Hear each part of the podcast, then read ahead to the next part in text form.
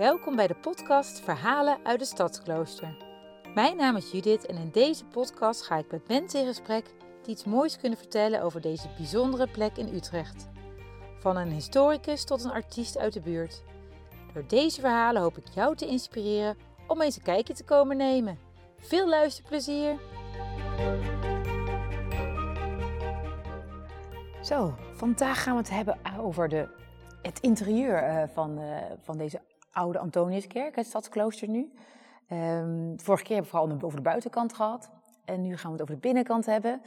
Uh, vandaar dat het misschien ook wat holler klinkt dan de vorige aflevering, want we lopen echt fysiek.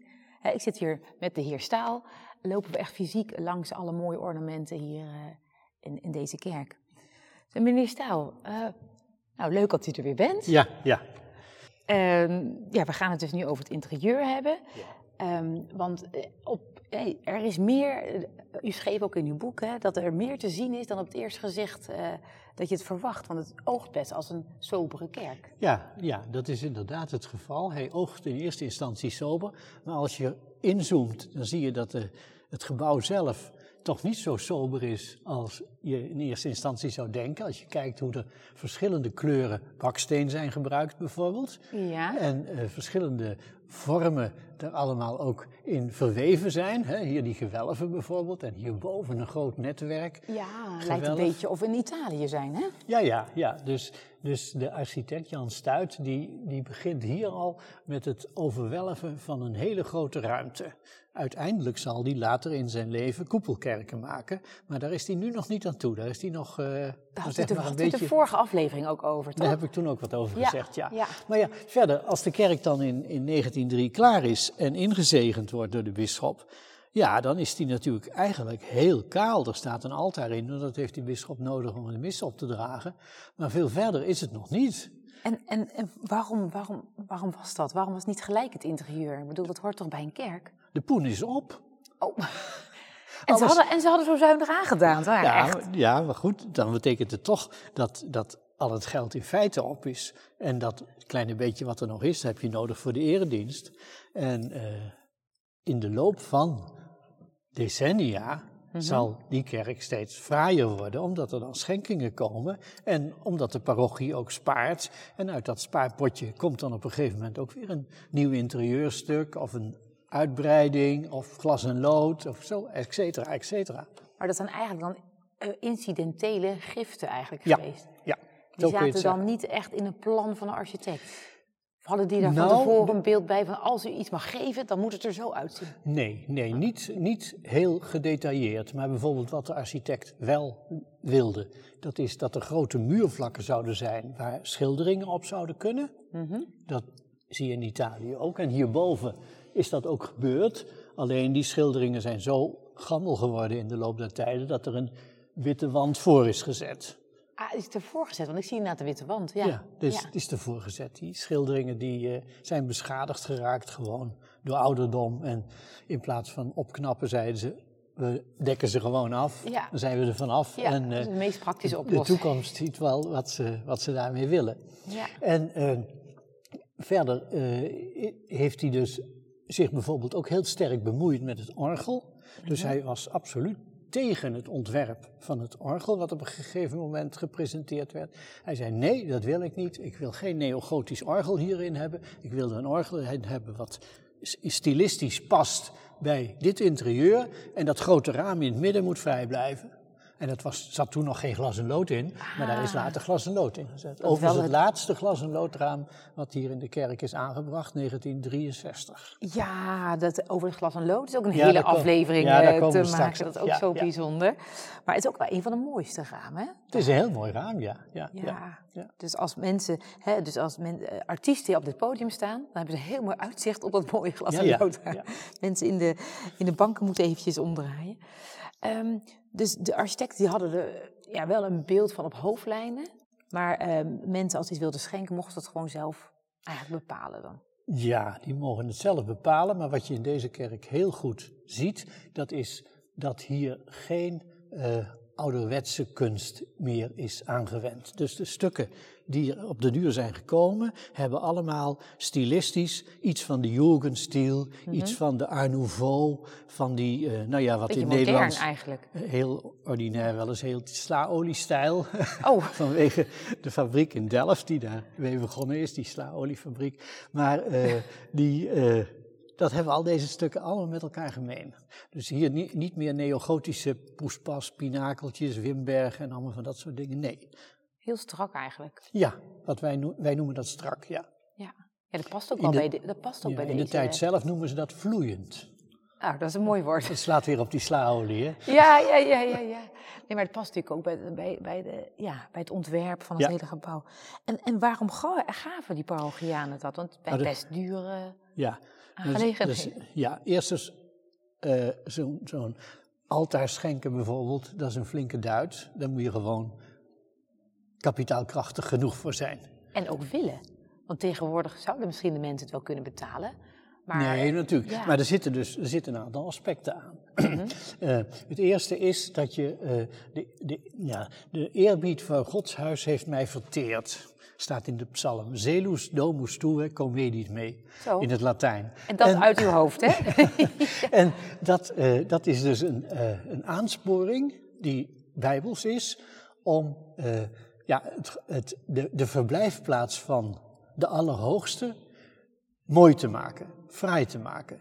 En dat wordt in de loop van de tijd een van de aspecten van de werken van barmhartigheid. Aha. En wat gebeurt er met die werken van barmhartigheid? Die doe je hier op aarde om op den duur in de hemel vrije doorgang te hebben. Ah, en, en Of natuurlijk... een snellere toetreding te krijgen. Niet te, te lang in het vagevuur te zijn. Dus dat is een aspect erin wat je tegenkomt. Een schenking ter ere van God. Ja, En het tweede aspect is natuurlijk, dat is vaak herinnering. En daarnaast ook ijdelheid. Mhm. Want heel lang blijven mensen vertellen, ah, dat komt van hem. Dat heeft die familie geschonken. ja, en hun naam staat het waarschijnlijk ook op, toch? Soms staat de naam erop, ja. Ja. Soms niet. Soms doen ze bijvoorbeeld het Antoniusaltaar, waar we zo meteen waarschijnlijk over spreken.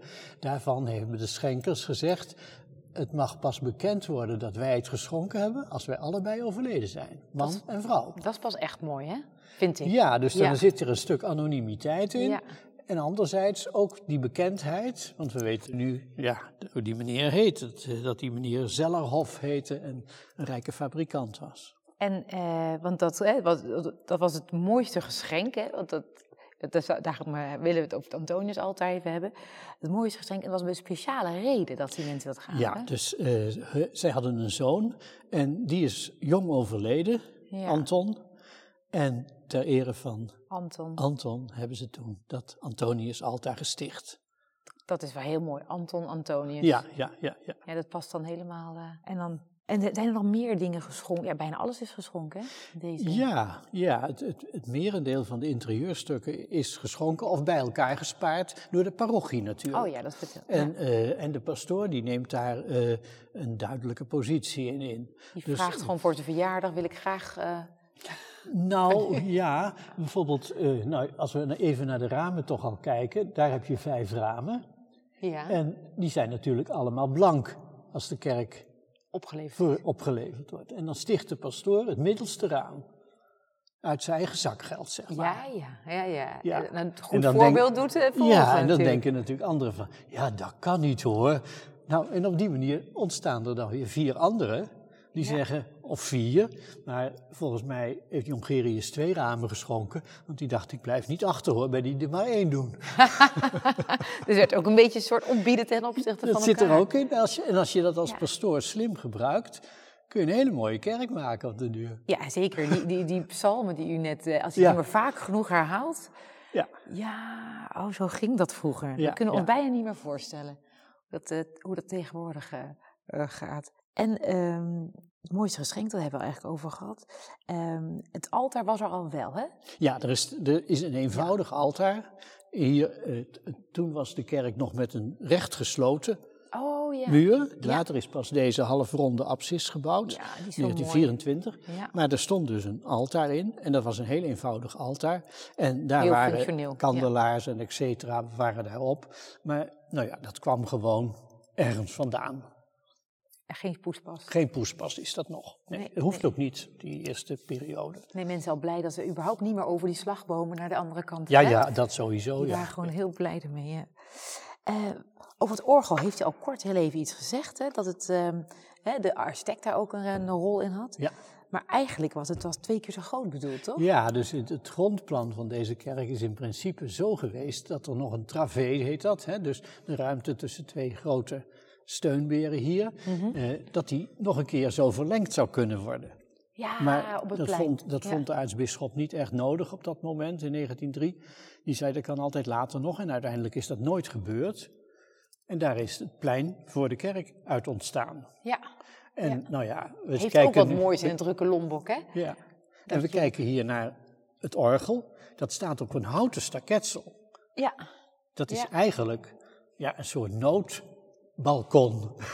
ja het is echt een balkon inderdaad. Ja, Ja, het is een soort noodbalkon. Want meestal staat dat, eh, nou ja, op stenen zuilen, et cetera, et cetera. Flink stevig. Ja. Dit is ook stevig, hoor daar niet van. Nee, anders maar, had het niet zo'n zwaar orgel. nee, eh, maar het, eh, het, ja. het is een tijdelijke oplossing geweest. En die is dus altijd gebleven. Ja, die zaten nog steeds. Ja. Ehm, en eh, ook, hè, oh, de orgel is natuurlijk heel kerkelijk, maar ook de klokken waren ook heel Ja, belangrijk. ja, hè? ja. En eh, zijn die ook allemaal geschonken? Die, Eh, dat, ik weet niet of ze allemaal geschonken zijn, maar de, de klokken dateren allemaal uit 1925. Dus de eerste twintig jaar hebben ze geen klokken ge... in ieder geval geen luidklokken. Oh ja. Eh, er is waarschijnlijk wel een klokje geweest, geleend van zo'n klepgeval. Oh ja. Maar echte luidklokken, drie grote luidklokken waren hier, die eh, zijn er in 25 ingekomen. En Petit en Fritsen, die heeft ze gegoten. Dat is een eh, firma in Brabant. Oh, oké. In Brabant natuurlijk eh, Ja, de- nou zitten er- kerkelijke. Ja, er waren toen een aantal klokkengieters in, in ons land. Maar het is natuurlijk een heel apart bedrijf. Ja, zoveel klokken worden er ook natuurlijk niet gemaakt elke dag. Eh, nou, eh, nou, er worden zoveel kerken gebouwd in de eind van de 19e en het begin van de 20e eeuw, dat daar gewoon een aantal bedrijven voor zijn om klokken te maken. Ongelooflijk. Kunnen Ja. we ons ook niet meer voorstellen. Deze kerk heeft, Nee. er al, heeft er dus drie. Ja, Maar bij de meeste kerken zijn er twee of drie klokken. ja. En die klokken, daar is natuurlijk ook een mooi verhaal over. Of ja, eigenlijk een triest, maar het, is, Ja, het is ja, ja, de, bijzonder klok- verhaal ja, de klokkenroof. Ja. Ja, ja, dat is hier dus ook gebeurd. Hè. Dus op een tijdens de bezetting door de Duitsers in de Tweede Wereldoorlog wordt er eh, ja, een bevel uitgevaardigd dat al het brons moet worden ingeleverd. Mhm. En dat geldt dus voor alle kerkklokken in principe. En die waren nog best wel zwaar ook, hè? Dus dat leverde Ja. natuurlijk hartstikke veel Niet op. alle klokken zijn toen uit de stad verdwenen, want bijvoorbeeld de domklokken, daar is, werden grote M opgeschilderd van monument. Ah. En op die manier werden oude klokken, die van de dom zijn uit 1505, Zo, Dus werden de oude klokken min of meer gespaard. en deze waren Maar nieuw. hier hingen klokken uit 1925. Nou, Ja. dat, die, die werden eruit getakeld. En Ja. dat, is, eh, dat is gebeurd. De, de eerste, de An- Antoniusklok, is uitgetakeld op vrijdag 29 januari 1943. En op de, de 1943. zaterdag de 30ste de twee andere klokken, de Maria en de Franciscus. Ah. En als je optelt hoeveel brons dat was, dat is 1500 kilo brons Zo, aan die drie klokken. echt, dat heeft wel pijn gedaan, denk ik. Voor de mensen hier in Ja, de ja. Nou, ik ken, Ja. Ik ken hier in dit, van deze kerk geen foto van de klokkenroof. Kijk, de Duitsers wilden niet hebben dat dat gefotografeerd werd. hè. Nee, en niet iedereen had toen nog een mobieltje, om zo maar Nee, dat was er helemaal niet. Dus, Nee. Maar er zijn wel foto's van, van Ja. andere kerken, waar, dan, Ja. waar stiekem dus toch een parochiaan daar een foto van Ja, maakte. met pijn in het hart. Ja, en ze zijn er hier uitgetakeld zonder dat er schade is geweest. Hoe dat precies gegaan is, weet ik niet. Nee. Maar eh, hier is geen schade. Dus de klokken komen er heel uit en de toren blijft heel. Dat is nog belangrijker. Ja, nou, Die klokken werden voor- daarna toch omgesmolten Nou, eigenlijk. er zijn voorbeelden dat er dus, eh, nou ja, dit ze er eigenlijk niet uit konden. En dat Oh, er een gat gehakt werd in de, in de toren. Of, Nee. Ja, en er zijn ook voorbeelden dat de klokken naar beneden zijn gegooid. Dan lagen ze Oh. beneden al in stukken. Dan was het Oh. makkelijker vervoeren. Nee, oh, dat, doet, dat helemaal pijn. Dat is vreselijk geweest. Ja. En dat is niet alleen in ons land. Hè. In Duitsland zelf is dat ook gebeurd en zo. ja. En daar werden kanonnen van gegoten. Hmm, dat wil je niet weten. Dat, nee, maar ja, het is wel gebeurd. En, En dan in Ja. 1948 is er zoveel geld verzameld dat ze weer drie nieuwe klokken krijgen. Dat is best snel, drie jaar na de oorlog. Ja, maar we hebben een keer uh, al eerder even gezegd van uh, de kerstnacht wordt dus aangekondigd door een grammofoonplaat in ja, de dat toren. vond, ik juist zo, dat vond ik juist zo grappig. Ja, Zo dus dat hebben, ze, ja. dat hebben ze tot 1948 volgehouden. Dus niet één of twee jaar, maar een, een periode. Ja, maar dat is toch hartstikke vindingrijk. Ja, ja, En dat we toch met z'n allen echt eh, naar die kerk willen gaan. ja, ja. Ja, om hier met samen te komen. Ehm, nou ja, het is een hele. het is- er is hier heel veel te zien. En eh, dus als mensen hier komen, dan, eh, dan kunnen ze niet alleen naar de voorstelling luisteren, maar ondertussen ook om zich heen kijken. Dus heel veel dingen zijn natuurlijk ook. Hè, inmiddels is het geen echte kerk meer. Er wordt geen dienst meer gehouden. Dus heel veel dingen zijn natuurlijk wel weggehaald. Hè. Maar het Willen we het Antonius-altaar, Antonius-altaar zien? ja, dat vind ik wel leuk om even te kijken. Ja, nou, het, in het midden zien we een, een eh, voorstelling van Antonius. Die zit daar groot in, in brons, zeg maar, met het Jezuskind op de arm. Mhm. Eh, dat gaat terug op een verhaal dat de kleine Jezus aan Antonius een keer verschenen zou zijn. Daaromheen zijn, eh, is een, een groot, ja, zeg maar, tekstfragment van alle deugden die Antonius heeft, had. En eh, wat het leukste In is... het Latijn, hè? Ja. Ja, ja. En Ja. wat het leukste is, dat is de tombe. Daar zit het Antonius wonder uitgebeeld. En dat, dat wonder speelt zich, dat is een, legendarisch eh, verhaal, wat je vaker tegenkomt in Antoniuskerken. Ja. Eh, eh, er is, men wil bewijs leveren dat Christus werkelijk in de hostie aanwezig is. Aha. En dan brengt men een ezel, die een aantal dagen geen eten heeft gehad, brengt men naar de kerk Ja. en dan zet men een zak met haver neer. Ja. En de priester komt met de hostie in de monstrans naar buiten en toont die aan de ezel. En wat zou die kiezen? En de ezel knielt voor de hostie en laat de haver staan. en ogenblikkelijk zijn alle mensen die daaromheen zijn en twijfelen aan de aanwezigheid van Christus in die hostie, bekeerd. Ongelooflijk. Mooi verhaal. Ja, dat, en dat is daar uitgebeeld, ja. Oh, wat leuk. Ja. Ja. Ja. Dus als mensen aan de rechterkant zitten. Aan de rechterkant is dat, ja. Ja, ja. Nou, dat was eigenlijk het hoogtepunt eigenlijk van, eh Ja, eh, en van dat de altaar komt er in, in 1906 al. En dat is vervaardigd door, eh, door de edelsmidse Brom, die eh, in Utrecht zich gevestigd had. In de, aan de Drift en de Keizerstraat. Ja, maar helaas is dat niet, nu, nu niet meer zichtbaar natuurlijk. Nee, nee, nee, dat atelier bestaat Nee. niet meer. Maar, Nee, maar dat, eh, dus als mensen hier zitten, kunnen ze natuurlijk wel genieten van het mooie altaar. En eh, van Ja, de ja, hele mooie glas en lood. Ja. En daar gaan we het de volgende keer over hebben. En dan is er nog een altaar. Hè, naast het Antonius-altaar is er nog een de Maria-altaar. ja, hier is een Maria-altaar aan deze kant. En dan vroeg ik me af, moeten we eventjes hier af, waarom er eigenlijk meerdere altaren zijn. Nou, zo'n kerk werd in het verleden bediend door meer priesters, een pastoor, in dit geval drie kapelaans. Mhm. En die lezen iedere dag een mis. Ja. En Elke dag. Kunnen Elke dag. ook bijna niet meer Ja, dus, dus bijvoorbeeld als het heel morgens vroeg is, zeven uur bijvoorbeeld, dan, is die, dan ga je niet aan het hoofdaltaar de mis lezen, omdat er weinig mensen in de kerk zitten. Dan kun je dat aan het zijaltaar doen, want dan is dat veel eenvoudiger. Ja. En dan zitten de mensen dichter bij het En ook altaar. wat meer beschuttig, Ja. intiemer. En na het Tweede Vaticaans Concilie is het Mhm. gebruik geworden om in een kerk één altaar te hebben. En dat is hier gelukkig niet gebeurd, maar er zijn voorbeelden van kerken waar de pastoor dus alle zijaltaren weg laat halen, wegdoet. Ah, want de Maria-altaar is ook een plek waar mensen kaarsje aansteken, Ja, toch? ja, ja. En dat zie je heel vaak Ja, bij kerken ja, nog. ja, ja, ja. En gebeurt hier ook? Dat gebeurt hier ook, kijk, maar je ziet eh, die, die rekken staan waar vaccinelichtjes in kunnen of waar kaarsen opgestoken kunnen worden. Ja, ja. Nee, want eh, ik heb de eerste aflevering was met Jeroen Kwijtalen, Ja. de voorzitter van Stadsklooster. En die gaf ook aan dat dat eigenlijk heel graag altijd open is. En er is geen evenement en mensen hebben behoefte. Ja, ja, Dat ze toch even een momentje hebben voor zichzelf. ja. Dat ze hier even een kaarsje kunnen opsteken. ja. En eh, wat, is, wat zien we hier bij deze? Nou, in het midden zit, zit een icoon van Onze Lieve Vrouw van Altijd Durende Bijstand. Dat, dat is een, een, een voorstelling die heel geliefd is Mhm. in de katholieke kerk, vooral in de eind 19e en 20e eeuw. Het wordt gepropageerd onder andere door de Redemptoristen. En dat is gevat in een groot koperen ja, omhulsel Mhm. met aan twee kanten engelen. En ja. daaromheen een krans van roosjes. De rozenkrans, moet je dan aan denken.